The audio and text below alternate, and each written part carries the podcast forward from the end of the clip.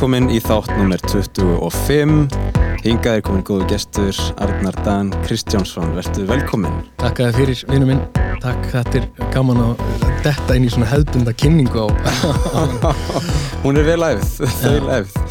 Við ætlum að ræða sko uh, margt og mikið. Kanski það fyrsta þema dagsins. Uh, það er sítenging. Ég ætla að fá að spurja þá eftir bara hvaða sko merkingu þú leggur við það orð. Um, en mér langar kannski að byrja á aðeins almennari nótum um, ég kom hérna með eina spurningu sem ég fór að hugsa um fyrir dag hvar líður þér best? Mm.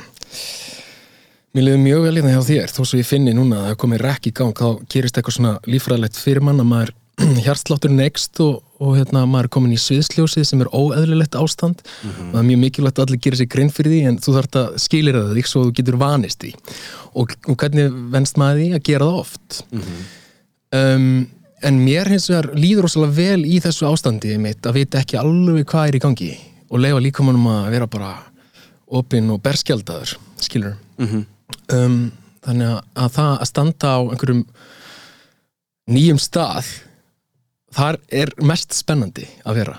Um, hvort mér líður vel ég veit það ekki. Ég þrái líka einhvern veginn að láta stuða mig sko. Já. í grunninn. En já, mér líður úrslaður heima. Bara í grunninn þá er ég ekkert að sækja einhverju augrun heima fyrir. Það á bara að vera svona gott, góð rútina og, og hérna að alveg börn, ég er mm. mikið í því núna þessa dagana. Tvo drengi og þriði á leðinni uh, mér líður mjög vel og mér líður mér líður best með góðu fólki. Mm -hmm. og gaman að kynast þér hérna núna. Og uh, mér hefur liður rosalega vel í leikhúsinu. Mm -hmm. að hérna því að það er staður þar sem maður er já, einhvers konar venduð umhverfi. Mm -hmm.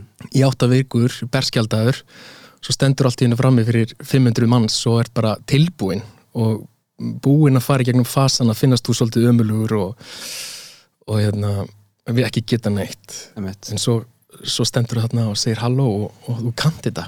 Það er eitthvað óa gott í það. Það er eitthvað ferli náttúrulega bak við það og margt af því sem að gerir í leikúsinu er eitthvað sem þú kannski gerir ekki annar staðar og getur jáfnvel ekki gert annar staðar allavega ekki í samfélaginu eins og það er í dag. Nei, nei, einmitt. En það er hérna, verður kannski að vera staður og stund fyrir hvert og eitt sko, hverja tjáningu. Mér langar líka að spurja þig sko bara svona almennt út í heimsendi mm -hmm. er þetta eitthvað sem þú pælir í uh, dagstælega? Uh, já uh, ég myndi segja sko að ég er mjög áhersamur um heimsendi í grunninn held ég eða þú veist tilfinningun á bakviða það er að segja að lifa í óttanum mm -hmm. og, og það er hérna að, að fabulera um óttan og láta sagt, óttan stjórna ferðinni um hvernig þú eigðir degininum, ég held að það sé mjög erfið staður að vera á og það kemur kannski út frá þessum hérna, áhuga mínum á mannfólki skiluru, að, að hérna, rannsaka eh, er þessi manneski að hérna, óttadrifin e, í, í einhverju skilningi mm -hmm. e, og, og þá finnst mér að forveitnarlegt skilur að greina hegðun mm -hmm. e, ég sjálfur já, ég lit flúra mig hérna í, í september í fyrra. Il pericolo è mio mestiere io rido in faccia al pericolo. Og, og þetta er vittnun í Simba í Lion King. Okay. þegar hann stendur frammi fyrir hérna, hans heimsendi. Híinutnar eru búin að króa hann af í fílakirkjugarðinum. Og, og Nala er hérna bara, herr Sembi, við hefum ekki að vera hérna. Ég hlæ sko fram henni hættutnar ég elska ævintýri. svo koma hýrunnar og hann sýnir fíldir sko. Hann sýnir uh, uh, uh, hann er hrættur en hann er samt einhvern veginn með stjórn sko. Hann flýr út að hann getur ekki sigra hýrunnar í einví en hann flýr og hann er hugrakkur allan tíman og hann slær hann eina hýrunan í andlitið og hann er ekki hann, hann mætir óttanum sínum raunverulega í mest eða minnst mögulegt aðstæðum. Lífið er að veði og hann mætir því að hugra ekki, svo náttúrulega kemur Mufasa í lokin og bjargar honum. Og, og, hérna, og þetta fannst mér rosalega inspirerandi þegar ég sá þessa mynd í fyrsta skiptið og svo sá ég hana aftur um daginn með sinni mínum og það er ennþá þessi sama tilfinning að þarna er eh, hérna ungur ylflingur eða, hérna ljónsungi sem, sem er tilbúin til að leggja alltaf við því fyrir, fyrir eh, könnunina. Einmitt. bara rannsaka þið óþekta staðin sem maður mátt ekki fara á um, ég held að þetta, þessi hérna, það getur, getur kent okkur margt, en já, minnst að geðvik pæling, þú spyrð bara svona hreint út, bara hefur þú pælt í heimsendi um, Nei, ég sko það er, nei, ég, ég get ekki sagt að ég hef farið voða djúft í þær pælingar og ég er tilbúin til að fara þangað hérna með þér Einmitt. Já, mér finnst líka áhvert sko með, með þetta dæmi með hérna þessa frábæra sögu sem uh, Lion King, konungur ljónana er. Uh, og með fyrsta spurninguna sko um, hva, hvar líður manni best veist, og, og að líða vel versus að einhvern veginn vera vel og vera, veist, tilbúin. Hann, hann kannski líður ekki vel í, í hérna fílagarðinum, skilur Nei, en hann er mest á lífi. Hann er mest á lífi sko og hann er, hann er fullur orku og hann er hérna mest í dýrinu í sjálfum sér. Algjörlega, algjörlega tilbúin Já, sko. Já, það, það er ástand sem um, ég veit ekki hvort að þetta sko sé bundi við tímana okkar sem við erum að lifa núna eða, eða hvort að hver kynnslóð upplýði þetta að einhverju leiti en, en þetta er ástand sem maður missir oft sjónar á. Og, og er svolítið erfitt að framkalla það getur verið það sko. Já, en það má ekki gleyma því að hann er líka þarna í þessu á þessari tilteknu senu í bíómyndinni þá var hann á hlaupum. Mm og ég held að það sé svona primal element að hlaupa og að reyfa sig og að hjartslátturinn fari upp og, og þú ert alveg það er allt í gangi fight or flight tögakerfi, það er bara sympatíska tögakerfi hellist yfir því og þú ert bara það er allt að veði. Og, og í nútíma samfélagi þá viljum held ég sem með við allar þessa umræðu sem er orðið staðvarandi streitusöfnun og fólk er krónist með kvíða og, og þróast, þróar með þessi þunglindi og fleira. Að, að hluta til er það út okkur vandi bara þessa líkamlegu útrás og kannski er þetta alhæfing og ég hef hérna ekki reyn vísindi til þess að færa fyrir þessu. En, en ég held að við þurfum svolítið að í daglegu lífi að leifa okkur að vera skeppnur mm Já, ég er alveg saman á því. Og ég held að sko samfélagi gerir það ofta tíðum mjög erfitt þú veist, Já. gerir okkur erfitt fyrir. Við vorum að ræða á hann sem hefur nú heyrst áður í þessum þætti að ég hérna, eins og ég er akkurat núna með þessi að þá finnst mér oft gott að standa Já, þar sem hérna lenskan er kannski að sitja. Þú veist, ég hef ekki staðið í leikhúsi skilur þegar að horfa á sýningar.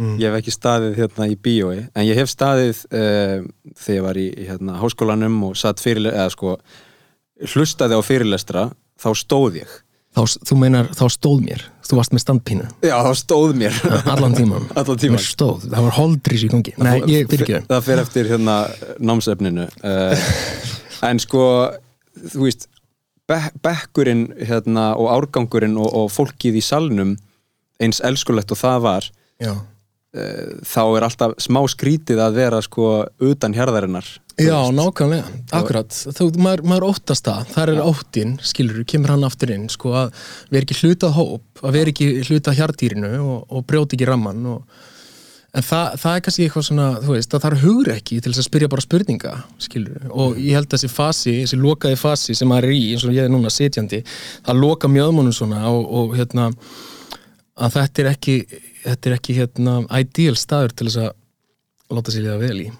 Nei, en, en svo á hinbúin þá vissulega er þessi staður bara hluti af okkar heimsmynd, samfélagi. Já, já, og þú veist, getum, það er kannski erfitt að afneita öllu samfélaginu, það er erfitt að hérna, þó ég hafi nú vissulega pælt í því, mhm, þá er erfitt að sko ímyndað sér fullkomna afneitun uh, á, á sko þeim gildum og stöðlum og, og, og bara því sem við köllum okkar daglega líf, þú veist. Ég myndi treysta sjálfur mér til að hérna, lifa einn með sjálfur mér út í skógi í viku en Já. kannski ekki mikið meina það, skilur við nei, nei, einmitt. Um, þannig að vissulega hérna, grípi oft í stólinn sko, til að bara taka þátt líka í samfélaginu og allt það en Mér finnst þetta, ég var aðeins að stoppa við Já. Mér finnst þetta mjög áhugavert, skilur Það er eitthvað sem er viðtekin venja og venjur eru eitthvað sem stjórna hegðun okkar, skilur Það er rosalega lítið um eitthvað svona meðvitar ákvarðan trúi ég. Ég held að við séum meir og minna impulsdrifin og, og, og á sama tíma þá erum við triggeruð með einhvers konar kjúum, voðalega er ég að sletta hérna, eða svona einhverjum um, maður er farin að sjá til með sem ég sé þarna spritbrúsa og ég hugsa, herru, ég var að sprita mig Mhm. ef hann væri ekki hérna, þá hefði ég ekki verið að hugsa um að þurfa að sprita mig einmitt. Eh, þannig að það er ímislegt í umhverfu okkar sem hefur gert það að verkum að við hérna, leiðumst áfram í viðjum vanans. Mhm. og, og það er mjög erfitt að breyta hegðun, breyta vana. En kannski fyrsta leiðin er að taka þessa triggera í umhverfu okkar og, og svona e, skilir það upp á nýtt kannski. Já. Sjóvarpið til dæmis alltaf miðjan í öllum heiminum. Mm þegar mataborðið ætti að vera. Eða eða bara aukt space sko. Þar sem við getum komið saman og horst í augu Einmitt. Það er endar ágætið sko pæling af hverju sjónvarpið og, og, og sá miðill er miðja, miðjan í heiminum eða miðja heimili sinns já, um, Núna sérstaklega á tímum COVID þá grýpur fólk í, í, í Netflix og bíómyndir og seríur og tónlist og veist, alla afþreyingu sem er í bóði vonandi bækur að einhverju leiti mm. um, þetta er ekki fólkið sem er sko uh, í framlínu framvarða sveit gegn COVID skilur, skilur hvað, hvað er að fara? Það er sko á þessum tímum samfélagsmiðla og, og heimsfaraldurs þá er afþreyingin í hávegum höfð nema þegar þarf að fara uh, þú veist, velja hvaða starf sem er nöðsynlega og hvaða starf sem er ekki nöðsynleg Mm, já, já. Mér finnst það svolítið áhugavert sko að, að því að hérna, þú, þú segir þetta sko að sjónvarpið sé miðjan í, í heiminum Já, já, einmitt. Og hérna um, Já, ég, er svona hugfangin að hugtaki sem ég mæli með að skoða sem er svona að vera autotelic personality. Þetta er í bókinni Flow uh -huh.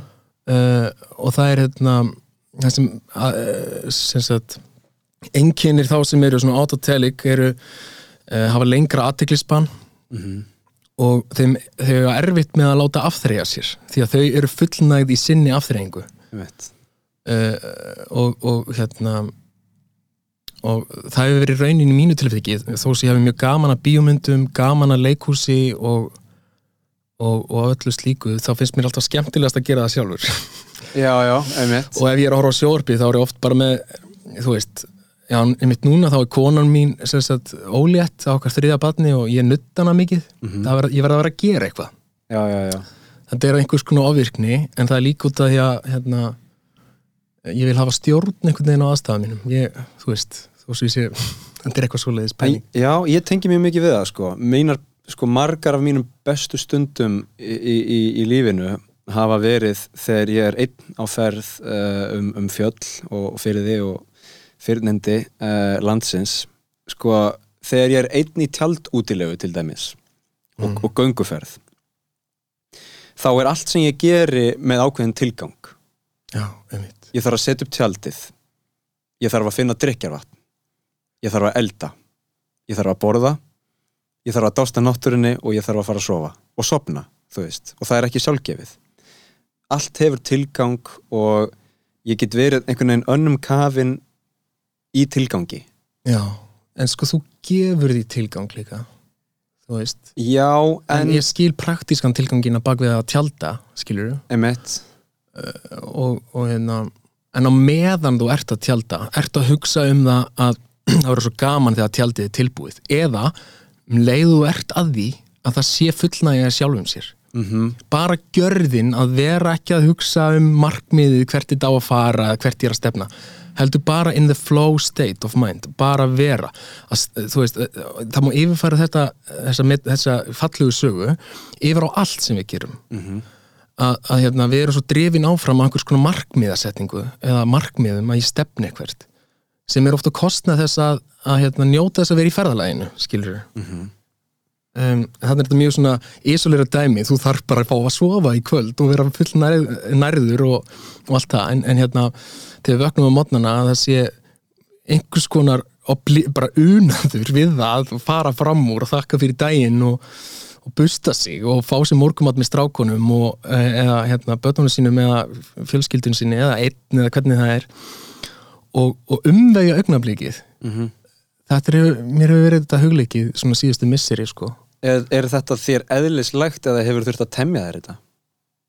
um, ég myndi segja að þetta væri mér svona eðlislægt sko að hluta til. Já, ég hérna, hef alltaf fundið svona mikla eh, ég hef verið með mikla lífsorku og fundist gaman að því að, takast á ólík verkefni verkefnarna vegna, skilur Mm og, og hérna, þó svo sé ókslega svona satisfying að sjá steiftan vegg sem að gerði en þá er það líka bara augnablikið að setja mótið upp eða hvernig sem það er ef maður er að smíða eða hvað sem er sko, það er því að hitt velduði kvíða skilur, að hugsa alltaf ógæslega langt markmiðana og ég þurfa að skara fram úr og eitthvað svona kjaftaði, ég bara, ég trúi því ekki. Og það er þess vegna ég, hérna, þér að segja, þá er ég að búið til spil og er búin að framlega spil sem gengur eiginlega út á þetta að þú ert að bara vesenast Já, já, já. Þú veist, þú ert bara heimaður að vesenast skilur, ná eirnapinna og skjóta því gegnum rör og plastflöskur og, og fagna því bara eða, ó, ég ætla að gera þetta aftur betur eða, og börn- börnin eru í þessu og þú lærir svo mikið í gegnum börnin sko raumurulega, eða þú veist, þú- þetta er svo mikið mýtas eitthvað verður barn, finnur barnið í þér og okkur svona, við getum kyrja þetta endalaust. En, en, en finnur það inn í þér, skilur að þegar þú ert í flæðinu bara skrýða með frá gólfinu eða hvað það er að þú ert þar einhvern veginn. Og, og ég hef fengið að njó, nota já, njóta þess að, að, að finnast gaman að fást við ekkert. Mm Já, það er held ég mjög ég held að það sé sjálfgeft sko uh, en ég held að það sé líka rosalega dýrmætt. Þetta sko fyrir, mi- já, fyrir mig þá veist, ég hef upplifað svona, svona augnablik uh, í gennum leiklist en sko eins og ég sagði á hann þá er einhvern veginn shortcutið sko, stittirleiðin er að fara út þú veist, út í Já, náttúru og vera nákvæmlega. einn út í náttúru. Já, akkurat. Uh, þá er þetta svo, þá er þetta bara ferðarlægið Já, af því að þegar þú ert að labba 20 km þú veist, jú, það er alltaf skemmtilegt að koma á áfangastæðin og, og setjast niður og hvíla sig en það er aldrei þú ert aldrei óþreifullur þú veist, það er aldrei hérna, maður, maður liggur ekki á klukkunni eins og, eins og ef maður væri að vinna nýju tíma vinnudag og, og leittist í vinnunni, skilur mm það er ekki tannig, þú ert bara á ferðarlægi og, og hérna fullkomlega hvílir í því. Það er allan mín upplifun af því sko um, Mér finnst það geðveikt, ég, hérna, ég gýrast alveg upp þegar þú talar svona. Nei, þú veist, þú, ég hef ekki gert mikið af þessu, sko. Um, Ég kom mér samt í, í háska. Mér finnst það úslega gaman að koma mér í háska fara allt í hennu bara á kajak einhvers staðar út frá hafnafjörðahöfn og, og, og hérna, vera ekki tilbúin í það, sko. Kunna hvorki á kajak nýja vera í björgunvesti ok, sem er ná á fíbldyrska og ég mæla ekkert með það sem ekki verið að gera það en, en ég kom mér í voða og, og það er eitthvað alveg ógeðslega dýrmætt við að finna hvað maður er hérna á lítið um, róð í, í náttúruna sko. já maður verður að vera meðvitaður um það. Já, bera virðingu fyrir henni og ég gerði það ekki í þessu tilviki. Er þetta eitt tilvik? Já, þetta er eitt tilvik þarna sko og svo finnst mér ógeðslega gaman, þú veist að ef ég sé foss að klæða mig úr fötunum og bara negla út í hann sko og þó svo hann er ókvænlegur en reyna að hlusta sko og meta kraftinn og eitthvað svona en, en það er eitthvað svona já, svona augnablík með náttúrin sem, sem ég upplýði svona eitthvað svona flæðis ástand en líka eh, einhverja svona holdfara, já, að vera skeppna sko. Já. Sko eitt til að fara aftur að heimsendi um, það sem ég held að sé hérna, og, og líka bara fr- frá mínum bæðatyrum séð það sem er erfitt í þessum hérna, faraldri og þessu ástandi sem er í gangi núna í heiminum það er að þetta er sko á einhvern veginn svo lungu og stóru tímaspani að viðbragðið um, missir marks. Eða þú veist það hvernig bregst hérna, Simba við híjanunum mm hann gerir það í mómentinu og hann bregst við með öllum líkamannum og hann, þú veist, Mhm. tekur á, leiftur hraða ákvörðun um að gera þetta en ekki hitt. Akkurat. Hvernig bregðust við með við, hérna, heimsfaraldri? Við förum heim til okkar og Mhm. við lókum hurðinni Já, og við setjumst í sófan já, nokkulega Já, og svo býðum við. Já, já. Og, og það skal líka tekið fram að þetta er, svona, þetta er bara augnablík sko í, í lífi Simba sem spannar ekki tvö ár, Mhm. þar sem hann er í fight or flight móti, sko. Nei, nei, nei. mest eða minnst mögulegt og hann er alveg á hérna, að fara að drepast. En, upp, fólk, upp, ég held að þessi rosa margi sem upplifið bara hreinlega döðin sér á næsta leiti og, og hérna nú skaltu passa þig og, og taka, taka hérna taka þú sambandi sko. Mm uh, því að það stendur ógn á því. Og ég hérna ég bara eins og þú sko að tróða hann að marfa það og reyna að gera allt rétt og þrý bólusettur og, og hérna vill taka þátt í samfélagi mannana og vera í þessu auksambandi sem við eigum hérna grímulausir og, og, og ég met þess mikil sko og ég sakna þess alveg gríðarlega að get ekki hitt fólk. Og ég held að það að vera í samskipt við annað fólk sé ekki eitthvað svona uppfylling í tilveruna, eitthvað svona lífsfylling að heldur þetta sé grunnforsenda lífs er að eiga í, í samskiptum með fólk og vera forvitið um annað fólk og, og um, já, þetta er orðin forréttindi en eiga kannski ekki að vera það.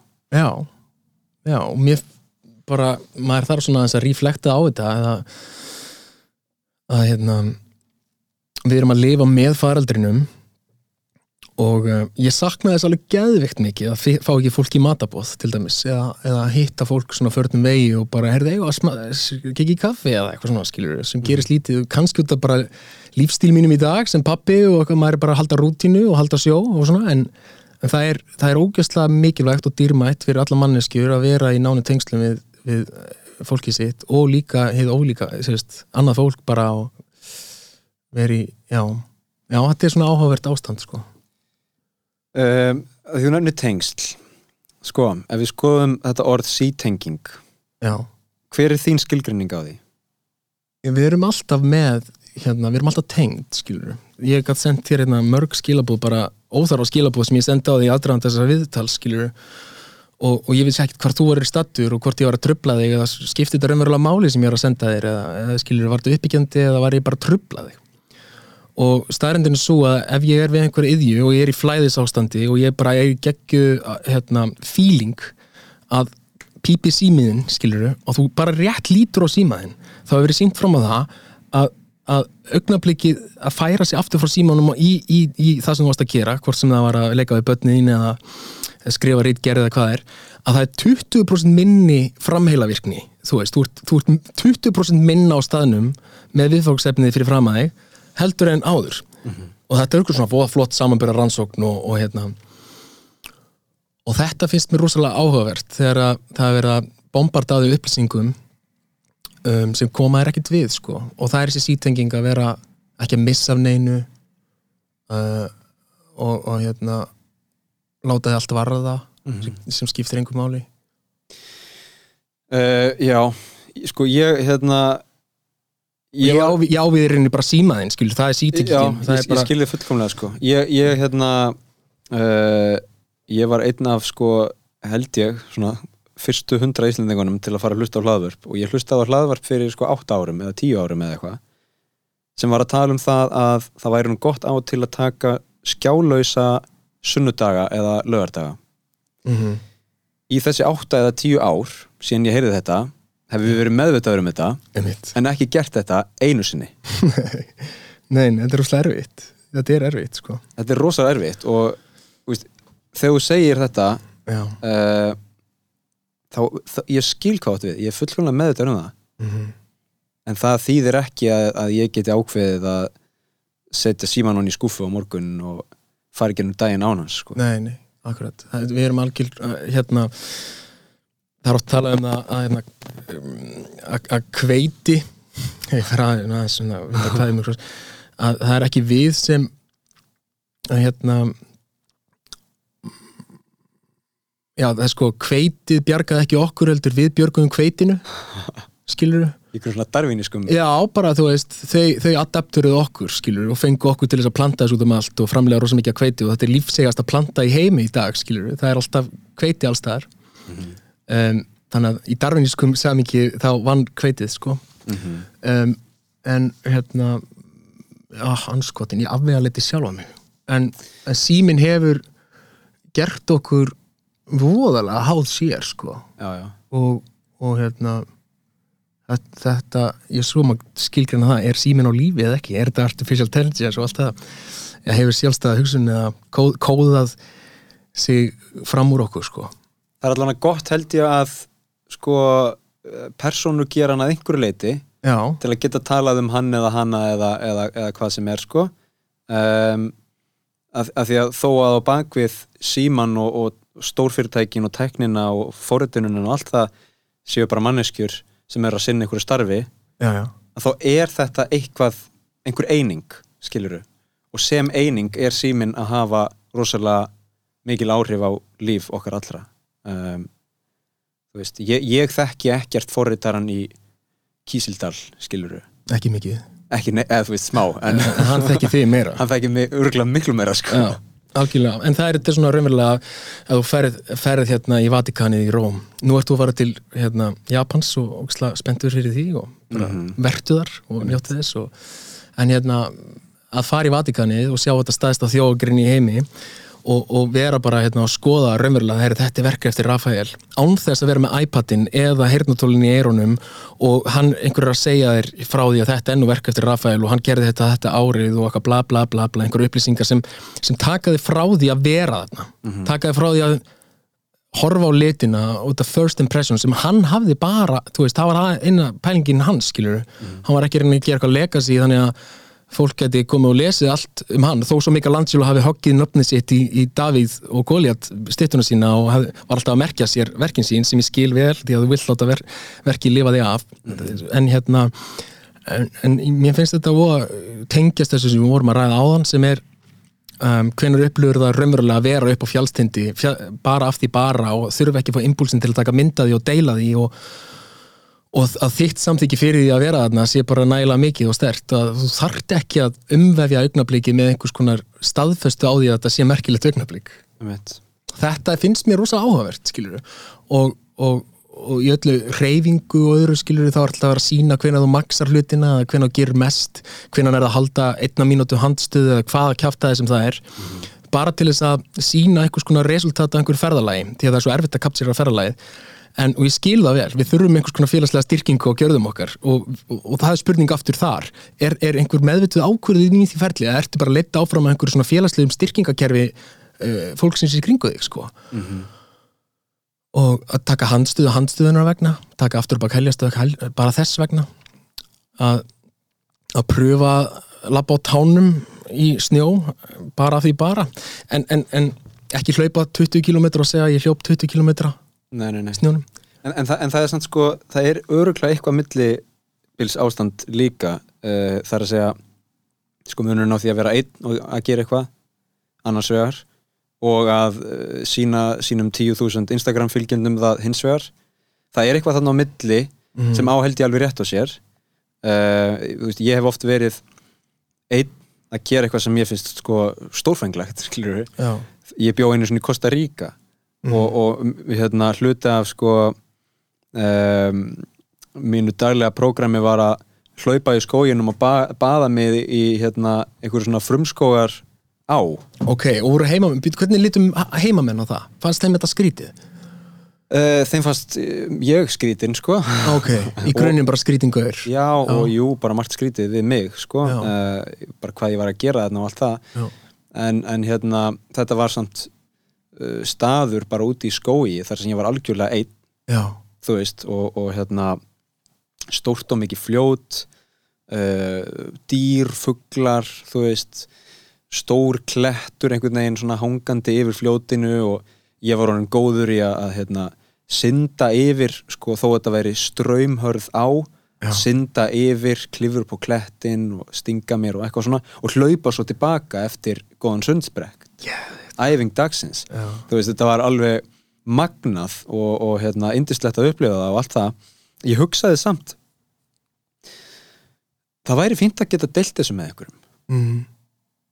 þetta er, þetta er sko þá, þá í augnablikinu eða, eða sagt, vera með einhverjum að gera þetta já, ég held það já, já, er það ekki impulsin frekar heldur en að sína fram að þú hafi gert þetta á staðfesta og if you don't share it it, It didn't happen. it didn't happen sko. En, en máli var sko að þarna á þessum tímapunkti þá hafði ég engan til að deila þessu með Nei. þannig ég deildi þessu með öllum skilur, ég tók upp vídeo Já, og, já. og allt það sko um, þú veist, og núna eru sko sjö ár liðin Já. og þegar ég tók upp vídeoið þá hugsaði ég það væri nú gaman að hérna, taka myndband til að eiga það og geta hort á minninguna mm. Það er grunnpælingin það er grunnpælingin með ljósmyndum skilur eitthvað sem Já. varir þig og sem sagt, lifir þig af eins og eitt listaverk í grunninn skilur en ég þurfti ekki að rifja Mm. þetta upp til að segja þessa sögu, skilur minningin lifir og er mjög sterk sko svo kemur að því, kannski er hún sterkari og þú er búin að horfa á þetta vídeo já, kannski, ég veit það ekki jú, kannski er, er ég að lýsa minninguna af myndbandinu, það getur svo sem verið Já, Ég Um. hérna ég að slæta yfir í ég hlustun hérna. Að hérna eh, já, ég var á ferðalagi í sumar tókum hringin við konan og með drengjana tvo þar sem við komum staði að hún var ólitt á okkar þriðabarni í tjaldútilegu í Allavík um, og, og pappi hitt okkur í þessu ferðalagi og, og pappi minni mjög fyndin skepna. Uh, kröftugur, mjög kröftugur maður og, og hérna og hann var alltaf að nextlast á þessu. Okkur ég, var alltaf að baða mig í þessum fossum hérna, út af Austurlandi náttúrulega bara eitthvað geggjaðist staður sem ég komist á, þú veist, þetta er bara það eru bara lækjasbrænur út um allt og þú er bara í algleimi náttúrunar, þetta er svo svakalega kraftur þarna allstaðar og ég gerði það gáni minni, ég held ég að tekið svona 10, 12, 15 fossa svona, þú veist, spontant, strákarnir bara oh, já. en komið svona með mér stundum og horfa á þetta og eitthvað svona. En var bæði bara í staðan fyrir að fá sér kaffi í, í bílferðinni, þá bara góðan sundspretti eða góða guðs á baki og pabbi var neykslega á þessu og ég sagði pabbi, hérna gerðu þetta bara. Gerðu, komdu, hérna, pröfa þetta. Nei, ég fyrir nú ekki að gera það. Ég, ég, ætla- ég bara, ég er á leiðindi hérna, og, og hérna. Fórskúlsverð, ég hef ekki tíma að þetta og hérna.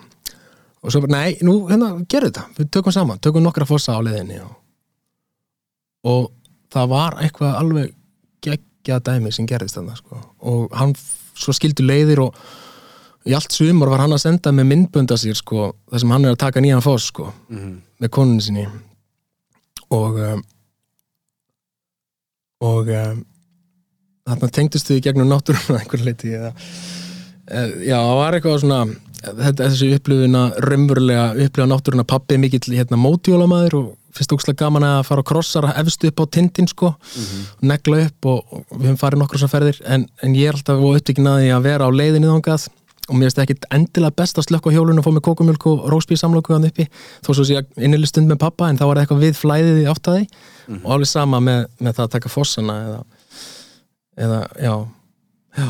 En þannig er komin sko minning sem þið deilið í personu, já, upplifið í personu og en, en, en sko minnið hvort annan á í gegnum myndbönd. Já, já, hann gerði það þú veist, þannig að hann að senda þér myndband er kannski að, að- að minna þig á þessa minningu sem, sem var vissulega í personu ég er svona að reyna að átta mig á því sko eða, veist, ég, uh, ég er oft talsmaður hérna satans, ég er oft skilur hérna að að reyna að sjá báðar hliðir á teiningunum og, og allt það sko en, en vissulega er margt gott við samfélagsmiðla og vídeo og, og tenginguna sem við eigum á netinu líka skilur já, já, klárlega. Um, og, og sérstaklega núna bara þú veist á þessum tímum. Þegar maður getur ekki ferðast og þá getur maður allavega heyrt í fólki og, og sé það þó það sé ekki ennum skjá. Um, en mér langaði að spyrja þig sko með sítengingu og, og allt þetta. Uh, hvernig, hvernig er maður ekki tengdur? Hvernig aftengir maður sig? Um, markmiðið held ég að sé að vera sítengdur sjálfum sér en ekki öðrum þú veist, ég held að sítenging við, við augnablikið er, er, er markmiðið en ekki sítenging við augnablik annara um, og það er það sem við erum að eyða tíma okkur rosa mikið í, er augnablik annara Mm -hmm. sem kom okkur ekki við sko. og um, ég er alveg sammálaðir Stefán skilur, ég er alveg fyllilega sammálaðir að, að það er ógsleg já, bara frábært að maður geti einhvern veginn átt í samskiptum þó sem maður sé ekki á staðnum en þá, þá getum við spurt okkur sko, hvers, hversu mikilvæg eru skil, þú veist, samskiptin á tíma, þeim tímapunkti, er þetta vinnu eðlis eða eitthvað svona, er þetta bara reynlegt eh, algjört þvaður og síbílgja skilur, mm. einhverju upplýsingar sem komaður ekki við en maður er stattur einhver stað, maður heldur kannast kannski við það, þú ert stattur einhver geðu einhver stað, bara, í, það er öll skinnfæri kveikt, þú bara skinnið yðar og það er einhvern veginn, þú ert bara augunir að nefna eitthvað sem þú er aldrei nefna áður, og þú dregin allt í henni bara inn í hafnafjörð eða eitthvað, bara hennar hugar ástand og eitthvað sem tók þig úr augnablikinu sem þú varst raunverulega að upplifa mm -hmm. og ég held að það sé ósláð mikið um þetta uh, og við sjáum bara, þú veist það, mér, það er þess að mér er svolítið traumatíst eða tragíst í sjálfum sér að, að sjá börn á einhverjum geggjum stað þar sem við geta bara verið að taka inn einhvað nýjar upplýsingar og börn eru svo lengi, þú veist, mikið í því bara alltaf nema umhverfið sitt hverju sinni að, að, að þau eru tekin frá því að, að skinja þetta og finna leiðast eða hvað sem það er, bara alla tilfinningar sem er í bóði í þessum nýju umhverfi og þú ert bara komin í eitthvað sem sem þú þekkir, sem er síminn, sem er bara áreiti sem, þú veist, eða leikir, sem er bara tryggar að stöðu dopamin og, og þú heldur að þið líður vel mm -hmm. þannig að ég myndi bara aldrei gefa barninu mínu síma fyrir henni 16 ára, sko, ég veist bara þetta er eins og að gefa barninu sínu kókain í fermingagjöf, skiljur mm -hmm. ég hefna því að, því að þú, þú, þú heldur þú sért með stjórn en þú ert ekkit með stjórn, sko. Ég er alveg samanlega, nú hef ég ekki, ekki bönnrendar en, en en sko ég er alveg sammála því uh, mér finnst það mjög eðlileg hugsun. En hvernig hvernig sko gýrar maður þá hugmynd inn í samfélagið? Þurfu ekki allir í kringum þá að vera í sama fari? Mm. það er kannski fyrir eftir uppbyldinu. Já, já, ég minna þú veist það er alltaf að vera að kommentera á þetta við mig, skilju, ég svara aldrei SMS-um þú veist og það eða rosalega sjaldan ég svara bara alveg rosalega sjaldan SMS mér finnst bæði það sem ég mun segja í texta mun ekki döndilega skipta máli skiljuru, mm -hmm. kemur kannski ekki alveg frá mér, finnst mér, ég upplifa þannig og þú svo það kannski hjálpi hinnum að fá að vita hvað maður er stattur og eitthvað en eitthvað, eitthvað svona, mér finnst bara mest, mest útrá heitlandi þetta voice memo mm -hmm. Senda það. Þú veist, mér finnst það skemmtilegt en, en uh, já, ég minna að þetta er svona umbyrlindi líka, ég þarf, að, ég þarf alveg að bera virðingu fyrir tilfinningum annara og, og, og vera í tengingu en ég reyna að klippa á það og að mikið sko. En ég, en ég meina líka bara þú veist með, með börnin sko að hérna um, þú veist ef allir er að fá síma átt ára já, já, já, ef þeir þá að býði átt ári viðbót skilur. Já, einmitt, einhver félagsleg útskúin og eitthvað viðtíkinvenja og hjarðhæðinin sem ég finnst ómöguleg Börnin mín eru bara 5 ára og 30 ára núna strákarnir og ég, ég stendi ekki anþá fram fyrir þessu og Nei, ég bara það, ég verður rúglega metað á vega á þeim tímapunkti en á þeim stað sem ég er í dag þá held ég sé óbáslega mikið að, að barnið upplifi það að raunverulega láta sér leiðast sko. Mm -hmm. Ég meina þegar þú varst að tala um áðan og, og hérna eins og borðspilið eða sko, hvað kallar það, leikur uh, Já, þetta er, þetta er bara hérna, þetta er spil sem heitir hvað er pappanum að gera og er rauninni bara 190 leikir til þess að brjóta upp rútínuna heimaðar mm -hmm. og bregða á leik sko. Þetta er eitthvað sem veist, maður kannast bara við úr Má ég fara úr peysunni? Þessu, við erum í sko, svörtu rými fyrir hlustendur og, og, og það er kvöld og, og ég er að hittna hérna ómikið Já, þú gerir það og ég hérna, held að frá að tala. Að sko um, þegar maður var ungur þú veist, eins og maður sé ekki lengur ungur og allt það en þá var sko kvöldstund með vinum bara ef að fara út og eitthvað, skilur mm. það var ekkert planað. Nei, nei, nákvæmlega. Maður er bara eitthvað að slæpast og vesenast eins og þú segir. Já. og þetta er allt leikir og umhverfið breytist bara í leikvöldin og þið eru leikundur og allt það. Það þarf ekki neitt. Mm -hmm. Nei, nákvæmlega. Nákvæmlega vinnu mín Já En hérna, eh, já, en ég var líka þeirra, sko, nöyt þeirra gæfu sem barn, sko, ég var, ég var ofvirkur eða mjög virkur og svo skildi mamma og pappi á tí ára og vissi ekkert hvað áttu við með að gera en ég var að byrja að ræfa sund, sex ára. Þannig að ég var svona mjög fljótt afreiksmæður í sundi og syndi rosa mikið og, og það er svona, í grunninn sundiðkun er, er, er sport einverunar að hluta til, þú ert bara með sjálfuð þeirra að synda 5 km á dag og þú ert bara með þínum hugsunum. Og það sem meira er, þetta er svona eins og Murakami talar um hérna, ég, það sem ég hugsa um því ég hleyp, hann hugsaði ekki um neitt. Og ég stóð mig sjálfan á því, alltaf stöðut sko, ég átti alltaf að vera að hugsa um einhverja tækni eða eitthvað, ég, ég var bara að synda sko. Mm -hmm. ég var bara í flæði bara, syndi bara 5 km hugsunarlaust í sjálfin sér bara sundsins vegna sko svo allt ínni fór maður að keppa á einhverju sviði og stóð sér ágætlega og það var komið tími og eitthvað mælanlega reyningar og haltu þessu áfram og gerði svona bla bla bla en í grunninn var þetta bara flæði mm -hmm. og bara að vera að synda og þetta kendi mér hérna svona hérna svona innri, innra tal að, að vera bara með mér mm -hmm. og ég sé nóg og þetta er einstaklingssportið og e, þú ert inn að gæfa smiður og eitthvað svona ég þakka móðum mín og móðum minni fyrir það að haldi mér í lauginni sko mm -hmm. Já, núna sé maður, þú veist, vassheld Airpods og eitthvað svona. Já, nákvæmlega. Vá, wow, ég ekki bælt í því. Síðasta víð fellur.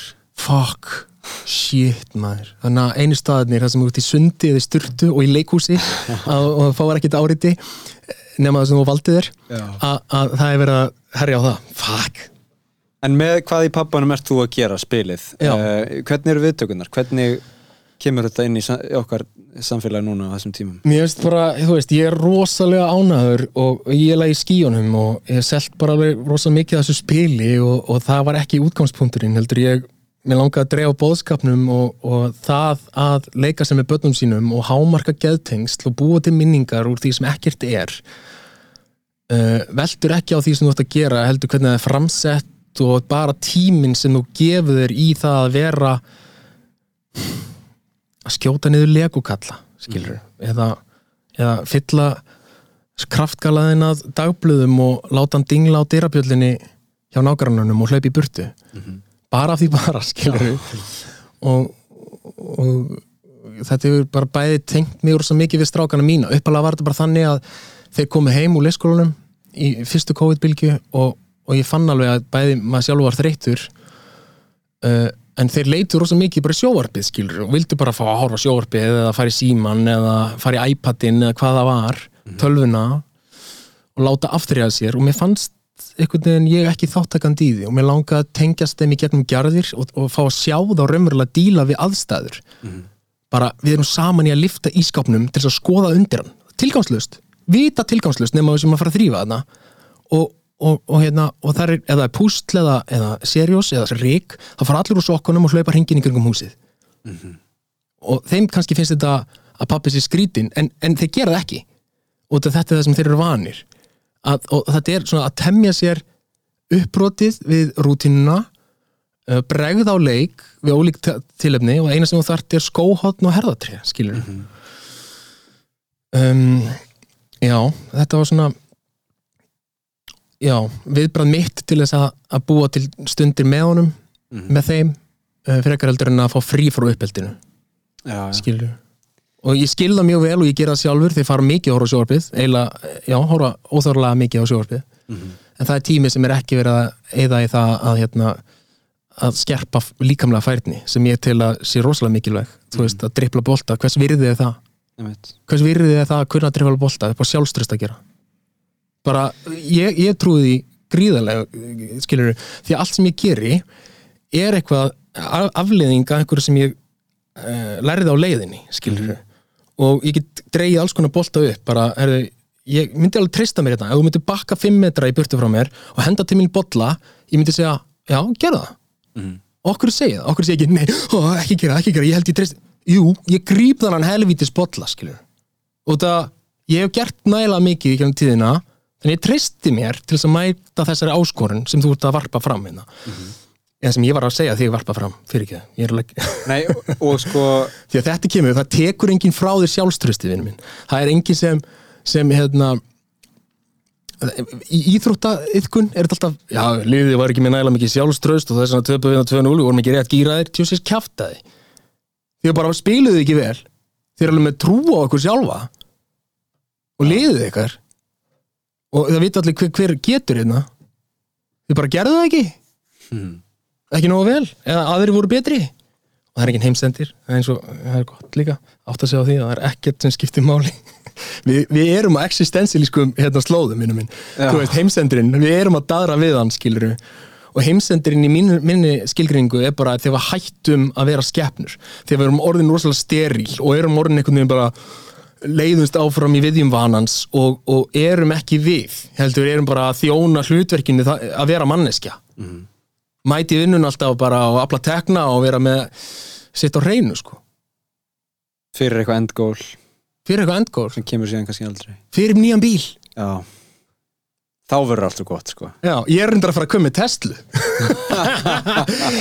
En hérna Já, hvað er pappanum með það? já, hvað er pappan um það? Jú, það er- öryggi, það er búið að selja þér öryggi og óttan Já. Til dæmis, þeir eru úslega góðir núna Tesla í því öryggasti, öryggasti bílinn, öryggar en Volvo og konun er alveg gl- gleipir þetta sko Ég meina, ég ætla ekki að álæsta þér fyrir það að kaupa öryggi, það er bara mjög valid um, en, en ég, veist, það sem ég tengi við það sem þú segir með sko, að grípa bollan og allt það hvað sem þú gera ef þú, ef þú það færði til að tengjast sjálfum þér betur og læra betur og sjálfum þig þá mun það efla þig þú veist. Og uh, þegar maður sko þegar maður er heftur, þú veist, hvort sem það eru utan að koma til aðstæður eða hvað það er þá getur maður samt að einhverju leiti farið að rækta sjálfan sig, skilur Já, hvort sem það er andlega eða líkamlega. Og það gefur þá allan að einhvern víföll, skilur einhvern ramma til að vinna innan þú veist, ég veit ekki hvort þú sért aktífli að æfa þig að grípa bolla eða hvort þetta sé bara einhvers konar samlenging fyrir þú veist, þig að vera í líkamannum og stunda líkamsrækt hvernig sem hún svo sem er. Sko, lífið er stöðugt að henda í þau bollum. Mm Það er eitthvað sem bara neglist inn í daginn þú bjóst ekki við þessu þú ert að bregðast við því. Og þá er það að halda stillingu og treysta sér að takast á við það. Um, en þú getur líka settlað í sófanum, skilur mm, þú veist, þú getur líka settlað í bó, bómul, uh, bómullar hnoðranum og, og þú veist. Mm Nú ertu alveg rosalega mikið devil's advocate hérna og ég fíla það. En sko, já, og, það, og hérna mitt, og er, það er val. Ég- eða er það val? Þú veist, það er val þangað til að verður ekki val svo kemur alltaf eitthvað. Svo hellist þið við bara kvíði og en, en, en, en sko, hérna svo við höldum sama sko stefi gangandi hérna með, með sófan versus að standa á fjálstindi þú veist. Ég á margar af mínum bestu stundum upp á fjálstindi eða, eða skilur inn í skóarjæðri eða hvað það nú er. Mm, ég veit samt að það krefst mikillar vinnu já, já, og það er oft mikið vesen og, Og það fórn, sko. sko og, og hérna, tíminn er dýrmætur og allt það, það er auðveldari lausn að setjast bara upp í sófan og horfa á eitthvað Netflix dót, já, láta afþrjá sér. Já, það er auðveldara en, en það er ekki eftirminnilegt og það er ekki uh, ræktandi þú veist nei, nákvæmlega. En það má á sama tíma þá, þú veist, það þöttum aftur í þess að skotgrifju sko að refsa sér fyrir það að vera þú veist, það er bara fínt að horfa á sjóarpið skilur en líka maður sé meðvitað þá að gefa sér leifa sér bara að vera að horfa á sjóarpið skilur Mhm.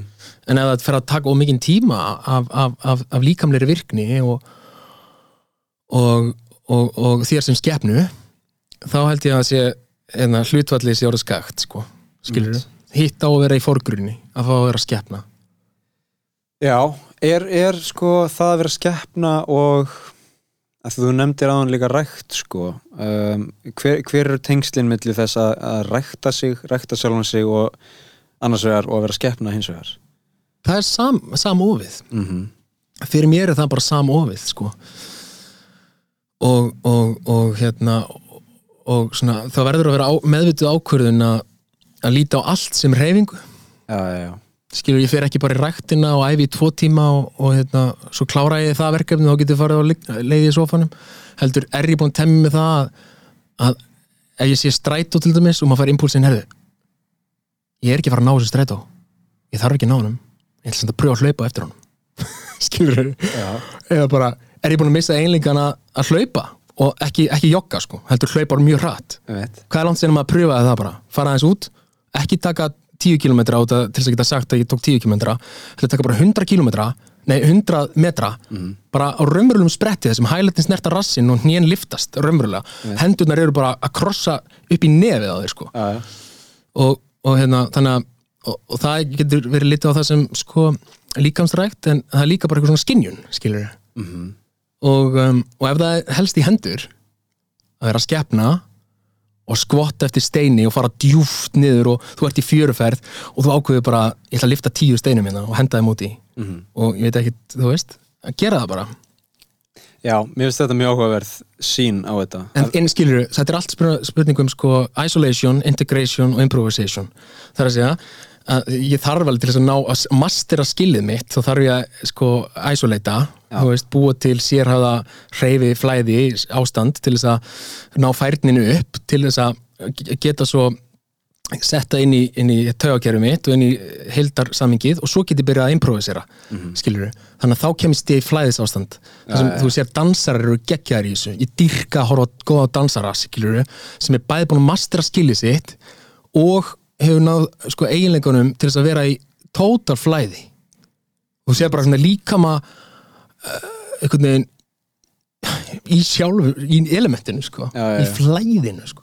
og það er svo náttúrulegt og, og, og þú veist ég veit ekki hvort það sem er dans kannski ekki, en það er margt sko, margt fólk sem er operetta á, á þessu stíi, þú veist sem er, sem er búið að vinna vinnuna og allt það þá hugsa maður svona nánast, ég gæti gert þetta skilur, þetta er það náttúrulegt já, já. þetta lítur út fyrir að vera minna en það er. Eða sko, þetta lítur út fyrir að vera auðveldara en það er eða eitthvað þannig. Mm.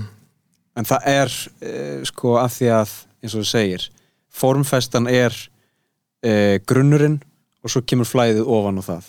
Já. Og sköpunin það og og, en, en ég ætlaði nefnilega að spyrja þig en ég held, en svo ég bæta örlítið við. Ég held að það sem mikilvægast í allir reyfingu er þetta sem við byrjum á að tala um sem er auksamband og samverja í rými og hversu mikilvægt er að vera með félaga og eiga samtalið og vera í einhverju svona ferðalagi saman það er alveg ómetanlegt og það er þess vegna sem fólk við heldur reyfingunni og heldur áfram að reyfa sig er ekki út að einhverju svona yfirleitt, sko, einhverju innri markmiðasetningu, heldur að líka drifið áfram af félagskapnum, drifið, drifið áfram af orkunni sem felst í að vera í flæðinu saman, sigrast að áfengum saman og, og ekki deila því, þú veist í, í snjalltæki endilega heldur í rými bara og einhver að spotta þig að þú ert í rættina eða hvað, það er bara fallegt, skilur og, og fjallgöngur eru úksla fallegar og, og hérna um saman sko, en þú vilt vera einn, ég skil það líka. Nei, og þú veist það, það ég telli þið góðan að hafa hérna, gert þetta svo mikið einn sko.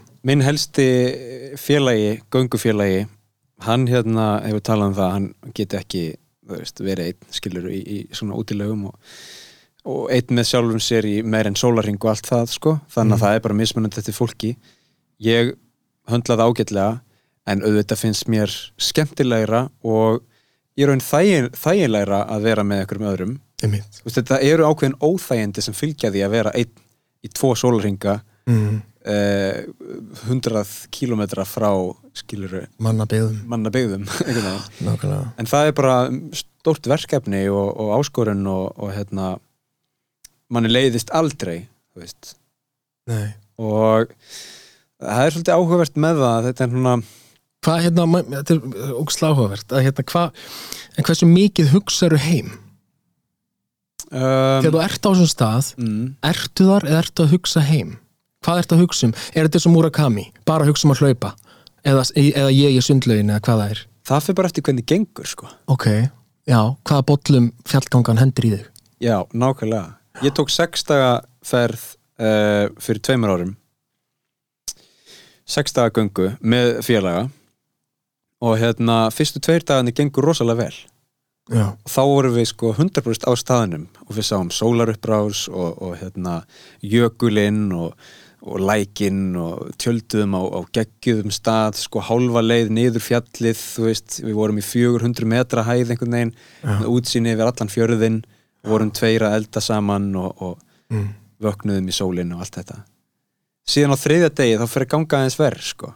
Mm. þá fer hugurinn að leita annað þú veist, þá fer maður að pæla hvað ef og, og hérna hvernig myndum við bregðast við þessu og þú veist, þurfum við að vilja snúa við eða hvað ef þetta gerist skilur um, þá fer hugurinn á flakk og, og þá sko þá bæði samt verður maður mjög fókuseraður þú veist, í, í verkefninu og ég meina við kláruðum þetta verkefni eins og ég segi það hérna, komu efasendur á degi þrjú af, degi, af, af sex dögum sko. ok, en við kláruðum samt verkefnið við áttum þrjá daga eftir og við bara einsettum okkur að, mm. að hérna, ganga alla leið uh, í, í þessu verkefni og klára það. Uh, en ég menna eins og ég segi það, veist, það er ít alltaf eins og maður sé bara berfættur í 100% flæði og, og hérna, í takt við náttúruna. Veist, það er augna, augnablík þar sem maður er bara hrættur og, og langar ég að vil heim skiluru um, og spyr sér af hverju er ég að gera þetta? Já, einmitt. já, akkurat, já, ég skil. Um, og, og þú veist Ertu á svona tíma, ertu að upplifa, er, þú veist, hugsaður um heimsendi þarna? Uh, já, eða þú veist samt ekki sko heimsendi samfélagsmanna einhvern veginn. Maður er fjarlægur því. Það er allt miklu persónulegra. Þegar þú ert á hjara veraldar skilur mm, og þegar sko þinn persónulegi heimsendir er miklu einhvern veginn nær og líklegri heldur en mm, einhver svona grand scheme heimsendir sko. Mm, uh, ég meina að því leitinu til ertu bara í, í dýrinu í þér. Já, algjörlega. Þú veist, þú ert bara þú ert bara að vega og meta þína möguleika í stöðunni og, og hérna hvernig þú átt að bregðast við og hvernig þú bara, skilur heldur sönsum og lífi og allt það. Og svo þegar kjarnum sprengjan kemur þá mætur þú æðrulaus bara. Bara hit me with this man. Já, bara mættu mér. Nei, ég meina frekar en einhver þryggja til fjögur ára COVID heimsendir annars vegar og þrjú til fjögur hundruð ára nattræn hlínun, skilur Nákvæmlega, þetta er svo fjarlægt svo sko. fjarlægt, ger svo hægt. Mm. það er eins og ég segi með hérna, viðbræðið að það er rosalega erfitt að bræðast við þessum heimsendum í einhverju fight or flight af því að af því að tímaspannið er margir tugir ef ekki hundruður ára. Já, já, og ég minna, og sko, ef þú, ef þú leifur þessu að hafa raunverulega, tekur þetta það mikið inn í óttan, skilur þú, og inn í hugar ástandið þitt, þá litar þetta algjörlega samtímaðin og allar mínútur sem þú lifir. Og, og, og þú ert bara krónist í fight or flight og þú þarft að mæta í streytunámskeið og, emitt, emitt, emitt já, þú veist, allir þurfa að mæta til sálfræðings og sigrast á streytunni, það er, það er allir sem upplifa það, skilur en, en ef þú ert krónist í þannig ástandi yfir ótta sem er svo fjarlægur þá er ekki velsælt í deginum í dag, sko. Nei, nei. þú veist, við erum alltaf ég held þessu ógislega margir og við erum bara, við erum ekki þróast í 2000 ár per, skiluru, mannskjarnan skiluru og, og innvítin var ekkit alltaf að pæla í íspytunum krónist, það er bara þegar að mættanum þá kom hjartslátturinn. Þá kom skiluru, til þess að hjálpa honum að reyna að díla við þetta þessu óg, sko, en ef þú ert stöðugtar og þegar þú heldur óst þetta var að deyja eins og ef- ef ættingjarnir eru að deyja úr COVID eða skilur þetta getur verið rosalega overwhelming. Og ég held að séu margir þar elsku hlustundur, þið eru einhverjir þarna. Og, og ég held að séu alveg óbærilegu sásöki já. En mér finnst þess að samfélagið sé að sko guttera þá hegðun núna. Já. með þú veist uh, með skilur smittölum dagsins og Já, við verum að, sko, aðruleysispænin er svo falleg að Já. reyna hérna greina á milli, þú veist, stjórna því sem skilur Guð gefið mig aðruleysi til þess að breyta því sem ég get breytt uh, kjark til þess að hvernig var það? Uh, já, eða sem vit til að greina þar á milli. Breyta því sem ég get breytt. Uh, kjark til þess að sætta mig við það sem ég fæ ekki breytt og vit til þess að greina þar á milli. Að, og hérna, að þú gerir bara allt sem í þínu veldur stendur sem þú getur gert skilur, svo that's it. Já, já, svo mætur þú döðanum eða ekki. Einmitt. það er það sem maður á að gera sko. Það er einu sem getur gert eins og þú segir ég veit ekki hvaðan hvaðan sko impulsinn, hvaðin kemur til að reyna að, að uh, mála stærra en það sko. Reyna að einhvern veginn ná út fyrir sinn einn ramma. Svo er síbylgjan, skilur, sítengingin og það er allir að segja, koma alls konar upplýsingar til þín, bla bla bla um þetta og þetta og þetta. Og við erum eiginlega ekki búin að fara heldur inn, að, inn í þetta heita mál sem ég langar kannski aðeins að stefla á sem er svona, góð, við erum tveir kallmennir að ræða saman í mikrofón sem er staða kvenna í samfélaginu og, og þessi löngu, löngu tíma bæra, hérna, afhjúpun af, af langvarandi ofbeldi og þegar menn geta tekið sér vald og, og haldið að það geta gengið yfir personur eins og ekkert sé og, og gefa lítið fyrir líf annara að, að hérna að skortur á, á, á kærleika og, og mannskilningi og æðruleysi og umbörðalindi já, og, og hérna já eh, ég meira bara, já, þetta er svona voða, sko, og núna er umræðan líka og hefur verið lengi, sko, að við kallmenn tölum saman um þetta mhm, og, og erum að gera það og mér er hugleikið um þetta því að ég reyni alltaf að tala um þetta þegar ég heiti fólk sem er áhugavert og því að þar held ég að samtali gerist ekki gegnum um, upprópunamerkin í gegnum samfélagsmiðla sem, sem er byltingin og ég stið það og hefur náð sko löng, loksins eru konur að fá hennan, plattform og það er hlustað á þær og þær eru með raunverulegt vald núna og það er bara gæðvikt og þetta fallag bara hérna, algjörlega sína rosalegu starfi. Um, en, en það verður hávar umræða núna síðast sem ég sá, sko, kollegi okkar Kristín Þóra var að hvetja fólk til þess að að hérna, hvar eru, eru kallmenninir okkur er ekki tjási hérna á Facebook og okkur, ekki, okkur heyrist ekki hérna afstæða og okkur svona. Þetta eru í krafan að við, og að, að, að, sko, að við byrtum okkur sjálf í þessari glansmynd Facebook. Hver, hérna, allir viti ég er nú góði gaurinn og ég hef nú síðfyrir sko, áttavitin minn, hann er velstiltur og ég skal láta það vita því og ég skal færa haldbær rauk fyrir því að ég hef nú aldrei gerð skilur, þetta er líka þreytandi leikur. Það er bara að vera að tala um það að við mætumst horfumst í augu og segja bara, herru, þessi brandari hérna sem er í gangi, þetta er ekki alveg skilur, þetta er bara ekki báðlegt lengur og, og sem betur fyrir að komin það er, er heimsendir dónakalsins það er Já. bara, við getum talað um það allan það er komin heimsendur perrans og heimsendir yfirgenginar og þú veist, þið- það er búið að jarða þetta og allir eiga að finna kjark í sér til þess að, að hérna, standa saman og stöðva það helvíti sko. hún er sko eina mínúti í miðnætti hjá dónakallinum Já.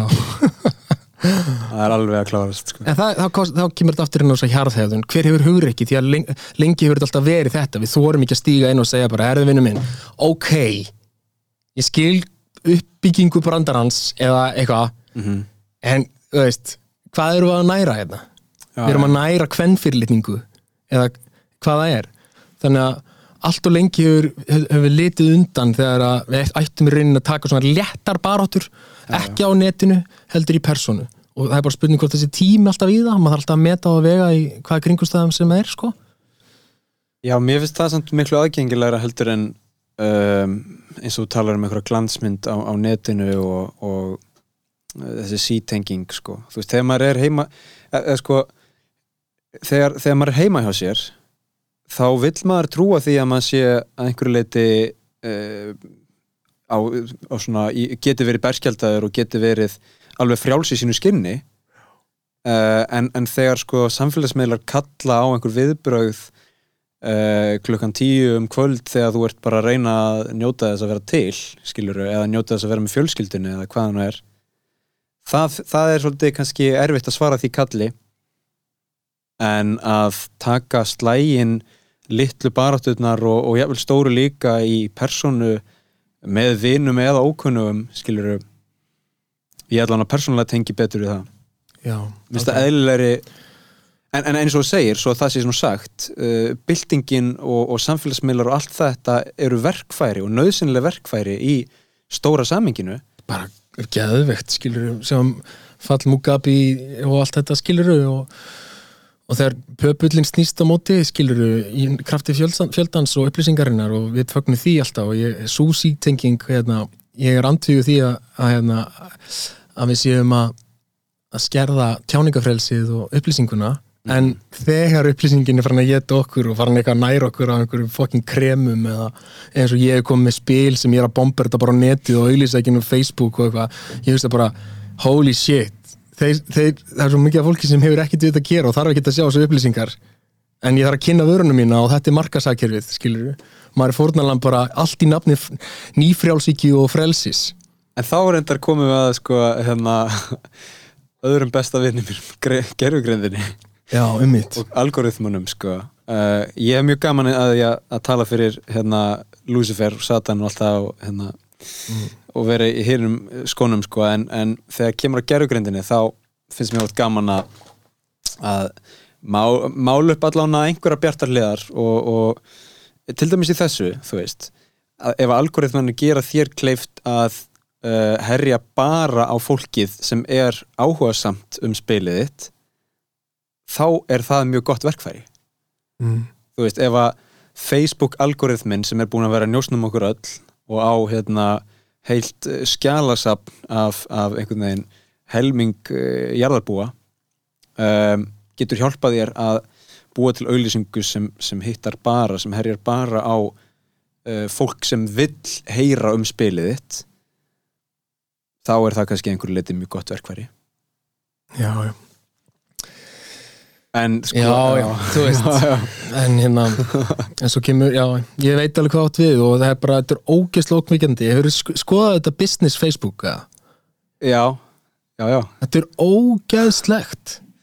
já, já, Þú veist, ég sé, þú sérð allt. Einmitt Þú sérð sko aldurinn, þú sérð hérna hversu lengi hann dvaldi á síðunni, uh, hversu mikið hann er að skoða, hvar hann eh, nemur augun sín á skjániðinum og hvað er hann raumur að lesa og hvað upplýsingar hann þarf að halda til þess að geti klára þá örgulega viðskiptin við þig í kjölfarið og mér finnst þetta svo ótrúlega ókveikjandi. Ég bara hugsa að það er ekki lengur sjálfstæð ákvörðin hérna. Skilurðu? Ég bara, hérna, og ég er hlutað þessu. Ég er hlutað þessu, ég vil kynna verkefni en, en mér finnst þetta samt einhvers konar ofbeldi sko. Já, já. Ég meina, þú veist, og hvað þá, segjum svo að kunin minn er með tvö börn og, og barnið er í stólunum sínum. Mamma, viltu gera mig seriós viltu gera mig seriós, mamma? Og hún er bara, já, býta ástu mín, ég er aðeins hérna, býtu hún er bara að horfa á einhver fucking upplýsingar um eitthvað sem ég var að trubla moment á milli þeirra. Sem getur mjög, ég við teikna þetta svona upp.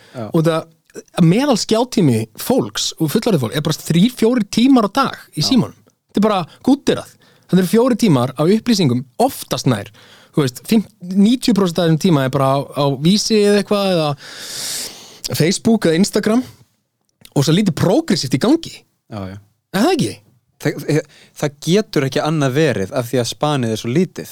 Þú lærir ekkit á 5 sekundum ef þú skiptir síðan yfir eitthvað annað á næstu 5 sekundum, skilur við. Nei, og ég meina já, ég, Eða skilur við, hver er örfunin við að sjá 30 sekundna vídeo þegar þú ætlar síðan að sjá annað 30 sekundna vídeo þegar þú ætlar síðan að sjá annað 30 sekundna vídeo. Mhm. Eða þú veist, Já, og sko, þetta er snillingar þetta eru algjöri snillingar þessi dopamin uh, dýrkandi sálfræðingar sem vinna í kísildalunum sko. og þeir vita þetta bara Já, þeir vita nákvæmlega að þetta örvar þessa kvatir þér og oft eitthvað svona speklun, skiluru, speklunar áhrifi þar sem þú upplifir sjálfa þig í, í tengslu við það sem ég sé og fer að bera þig strax saman við það og segja, "Heyrðu, ég þarf þessa vöru til þess að líta svona út eins og Kylie Minogue hver, hvað heitir hún, Kylie Jenner eða eitthvað. Já, skilur hvað þið, þetta er, þetta er hérna er til sjálfhvar, sjálfstæð ákvörðun þú veist, er hún til? Er hún allt sem ég er að segja hérna núna er afleiðinga einhverju sem ég hef bara áður heyrt kannski? Já, já, og séð og er eitthvað orginal við þetta? Ég veit það ekki sko. Nei, ég held að hérna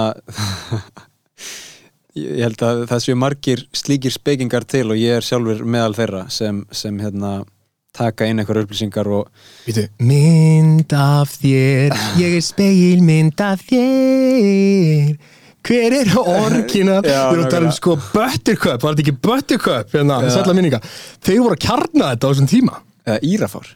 Nei, þetta var Buttercup og held ég ég rugglaði eitthvað hérna, Sálunas Jónsmins eða eitthvað. Gott laga sant við getum tekið diskussinu og illa, illa perfúmera hérna ég ætti að gera en, en byrjuðu sko, hver er samt lausnin? Eða þú veist, af því að þú segir hann hérna, flæðið maður. Já, þú, já, ánokkulega, flæðið. Uh, en þú segir líka sko að maður það samt ekki að vera með svipuna á bakinu yfir því að veist, vera ekki út í skói eða upp á fjalli eða eitthvað, það er fínt að horfa sjónvarp líka og allt það. Þegar þú ert að því, vertu að því. Já, já, og ekki refsa fyrir það, þegar þú ert í skóinum vertu það í skóinum, þegar þú ert í perlinni vertu í perlinni, þegar þú ert í sundi, vertu í sundi. Þegar þú ert í leikhúsi, vertu í leikhúsi. Þegar þú fer í Vatikanið, vertu í Vatikaninu. Fer í Greisland, vertu í Greisland og sjáðu Jungle Room, vertu þar. Já, já, já. ekki, já, einmitt þetta er það sem við getum ekki vera með iPadinn og hirnatólinn og láta einhvern segja þér hvað þetta á merkilegu staður. Reynda að upplega það, reynda að skinja þig gegnum gerfurturnar já. Af því að við getum gert þetta já, en svo þurfum við kannski eitthvað utanakomandi afl. Uh, langar ekki að segja ríkisvald en þú veist eitthvað, eitthvað annað afl sem hjálpar okkur kannski nú er ég að tala um samfélagsmiðla og, og sítenginguna. Já, Eh, það er rosalega erfitt fyrir 12 ára börn að hafa einhvers konar sjálfsaga til að skamta sér tíma á samfélagsmiðlum. Nákvæmlega. En það er ekki jafn erfitt fyrir fólk í valdastöðu, fólk sem hefur áhrif á þessi mál til að uh, taka mjög djarfa og hugrakka ákvörðun um að setja einhverjar eðlilegar hömlur á þessa neyslu. Finnst þér það ekki, Stefán, eðlilega þróun? Hvað Mér, ég myndi velkomna það, ég myndi sko hoppa hæðminn á gleði ef að einhver myndi sko Takmarka frelsið? takmarka þetta frelsi að því að, að, því að þetta frelsi er takman, ta- takmarkandi á því raunverulega frelsi Já, ok. En þá, en hvað með þetta, hérna, meta og allt þetta Zuckerberg dæmi? eins mikið og ég elska tækni og tækni framþróun þá er ég mjög hrættur við þetta og vil ég raun ekkert sjá þetta sko Hrættur? já, Ég er sko, ég er svo hrættur við þetta. Ég er svo hrættur við þetta. Eh, Því að þarna, kemur, þarna, þarna, þarna koma bara uppvakningarnir, sko. já, já, Þarna er þetta bara komið með humans, sko, ekki Breaking Bad zombiana, hérna, uh, oxycotin liðið, sko. Heldur, heldur bara fólk sem er ekki, er ekki hér. Og stærsta fyrirtæki í heimi þú veist, eða með þeim stærri í heimi og, og hérna forstjórin þar Mm. er að kynna þetta Mm Sem gemur það, sko. og reynir að brosa einhvern veginn, Já. kann það ekki alveg um, en hann er svona að reyna að tjá okkur það að við skulum býða spennt eftir þessum nýja veruleika og þetta er svo það sem er alltaf klikkaðist í þessu öllu er að fólk sé actually spennt fyrir þessu Já, já. Já, þetta er svakalega. Ég, hérna, ég fyrir algjörlega hérna hundra ringi bara á augnablikinu, sko. Já, hérna, já, þannig er komin aftenging. Þannig bara, þannig, þannig, þannig er, þannig eru bollar lífsins sem er verið að kasta þig, það orðnið það óbærilegir mm. og þú treystir enga veginn til að grípa þá, þá er best að teikna upp eitthvað sem ég sé bara. Já. Og ræð við og held mig bara í minni kúlu. Bregst aldrei við, aldrei in reaction mode. Mm. þú ert alltaf undir kontról það sem ég þekki, það sem ég get. Holy shit, engin augrun. Og sem, þetta tengist aftur sko, þú varst að tala um ég er að hoppa 20 skrif aftur í tíma núna en það, það er hérna, hvar lærum við mest? Og, og þetta er hérna berskjölduninn og þetta er hérna komast í háska og, og sigrast á því en, og lifa það af en, en hérna að, að sko að maður lærir af mistökum sínum ef maður þorir að vera berskjaldaður og taka á móti mistökunum segja bara, heyrðu, ok, ég gerði mistök ái, hérna, og það er kannski ákalli núna líka í samfélaginu, en við segjum bara mér var það á Mhm. og hérna ég ætla að leta mér hjálpar, eða hvað sem er og taka það í, í barnslegri innlægni og reyna þá að breyta hegðuninni og vera betri maður, við, við viljum trúa að það sé hægt, en að læra mistökum og umvefja mistök og gera mistök og ekki vera hrætt við að, að vera berskjaldaður og hallarislegur og asnalegur og eitthvað svona, skilur við já, já. það er eina leiðin til að læra ég held að hún sé effektífust skilur við Mhm. að því að an, annars já, ég held að hann sé djúb að það komið svo djúb þekking í kjölfarið. Það, þú, þú raunverulega lærið þér eitthvað. Já, já. Já, þetta eru erfiði tímar sko einhverju leiti en, en líka um, alltaf tækifæri fólkin í áskorunum og allt það sko. Mér finnst það áhugavert líka að, að, að skoða söguna sem er að, gera, sem, sem er að skrifast núna í dag, það er að segja okkar tíma í, í samanburði við aðra tíma. Kannski hafa allir verið í existentialiskum pælingum alltaf. Kannski hefur heimsendir alltaf verið mjög nálægur. Um, í einhverju mynd? í einhverju mynd sko. Manni líður oft núna þegar ég, sko máli trúabriðin náttúrulega kjörnið þetta skilur við, áttu þessu á óttanum og já, bara já, það er það besta leiðin til þess að ná stjórnaðir er gegnum óttan og, og, og þú, ef þú ert ekki degður vinnu minn og syndur og yðkar það, þá er bara helvíti að mæta þér. Og það er, þú veist, það er eilíft ástand. Þú ert, þú ert í vítis kvölum að eilífu. Já, þú veist, þegar þú lokar augunum og upplifir svepp og ert ekki með meðvutund, nei, nei, nei, nei, minn þegar þú deyrð, þá er tilfinningin raunveruleg. Það er verið að brenna þig krónist Já. þetta er svakalegt stjórntæki sko. Já. og, og, og, og hefur við notað á grimmúðlegan hátt? Svaka uppfinning, sko. Snild sko. Ert þú bjart sín? já, mjög bjart sýtt sko ég er atvinnulegs og vona þriðabarni góð, góðu stuði sko. Nei, nei, en að jú, ég trúi að þetta, þetta fari allt mjög vel sko.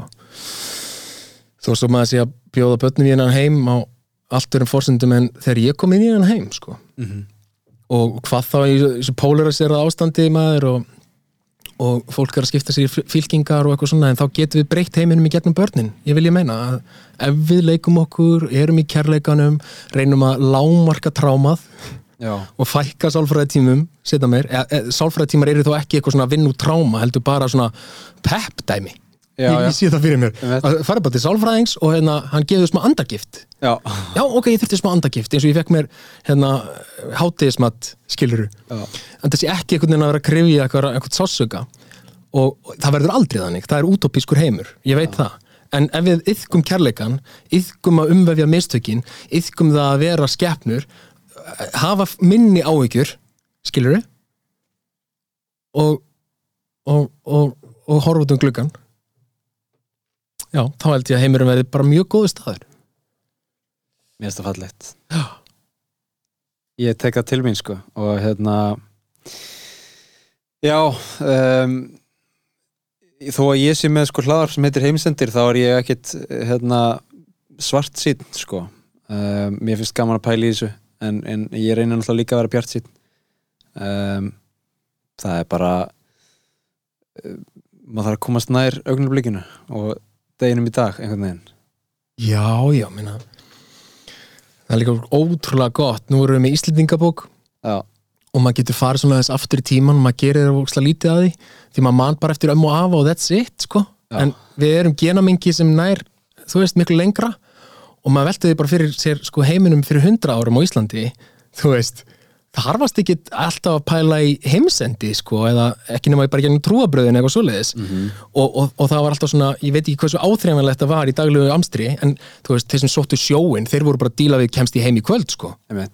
Og það er það held ég sé ástand sem við vorum að ræða áðan skilur sem er bara að vera mest á lífi sko. og það er, það er eitthvað svona það er eitthvað djörfung og dugur í því og, og eitthvað eitthvað ástand sem held ég að gefi þér ókslega mikið þó svo að það verið ógeðslega erfið tilvera að bara reyna að brauðfaða börnin sín og fjö- fjölskyldu sko. en því að við erum komið svo langt í velmjögunarsamfélagi að við getum eitthvað fyrir að ídúlusera um heimsendin sko. Þetta svo Algjörlega. hjákáttlegt í sjálfum sér en, en, en hérna, ef við, ef við tökum bara nokkuð skrif aftur og reynum að ég held að hamingjan hamingjustuð þjóða hefur aldrei verið meiri sko. Nei, nei, og ég held að við höfum aldrei lifað eins góðu lífi og núna nei, það er alveg rétt sko. Og það, við höfum val um sófan og bómulinn og allt það sko. við getum valið hvaða sófa? Já, við getum verslað okkur sófa. Herði, ég held að við séum búin að hérna, kofera sítengingu og, og margt fleira mjög vel. Ég veit það ekki, þetta er eilíðaverkefni með þér. En en það allan að, sko, mín von er allan svo að, ég og fleiri, þú veist, og bara fólk um, verði einhverju leiti, sko, óhrættara við að pæla í þessum hlutum, veist, það er svona kannski pælingin með þessu hlaðverfi að, Mhm. að, hérna að því eins og þetta, sítenging skjóttin, já, já. sko, Himmi Gau, veistu hvað leikari það er? Já, já, já, taktu hann í viðtal. Já, hann er maður sem er ekki á Facebook eða Instagram. Það er snilt. Og þá getur hann raunverulega talking the talk, sko, ekki vera fabulir eins og ég hérna, því að þú veist, hann bara hefur aldrei farað. Og hann bara, he don't care, sko. Og hann, hann ég aldrei að hann sé að missa einhverju og hann er algjör, hann er svona gaur sem ég upplifi í total flæði, sko. Geðveikt. og í fjölskylduflæðinu og er bara alveg ógeðslega hjartalýr og góðu gaur. Það er alveg óendilega vendum hann. En þegar hann saði þetta já, ég bara aldrei er hann. Aldrei pröfað þetta. Ég bara hef ekki áhuga á því. Og þú veist það var raunverulega upplýðið bara fuck. Sko. hann, hann er með öðru sér bara algjör tótal hann er með öð- allt öðru sér heimsmynd sko. hann býr í sama samfélagi en alls ekki sko. En það sem er rugglegast við þetta er sko að ég er hjartanlega sammálunum já, veist, Ég myndi vilja ekki vera þarna, skilur nei. Ég myndi vilja geta loka Facebook og Instagram já, í dag. Já, einmitt. En þetta er bara, þú veist hálf, hálf vinna mín er einhvern veginn inn á þessum meðlum Já, og já. öll skipulæningi kringum það og og honum gengur mjög vel að halda utan á það sko. Já, kannski, kannski hérna kannski teki loksins þennan skjálausa sunnudag eða, eða, eða lögadag en þetta er góð, góð punkti, ég ætla að fá heima hingað einhvern tíma við tækifæri. Herru, það er búið frábært að spjalla við þig. sömulegis, bara Arnar Dan, takk kærlega fyrir komuna. Bara gangið vel. Takk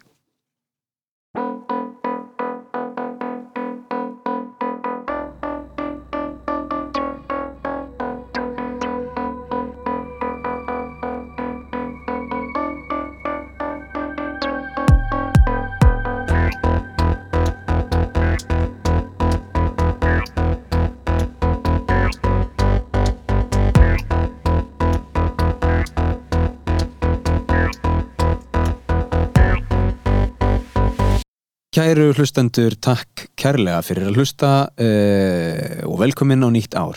Mér langar að byggja um nokkra greiða eins og ég ger oft áður og hef gert.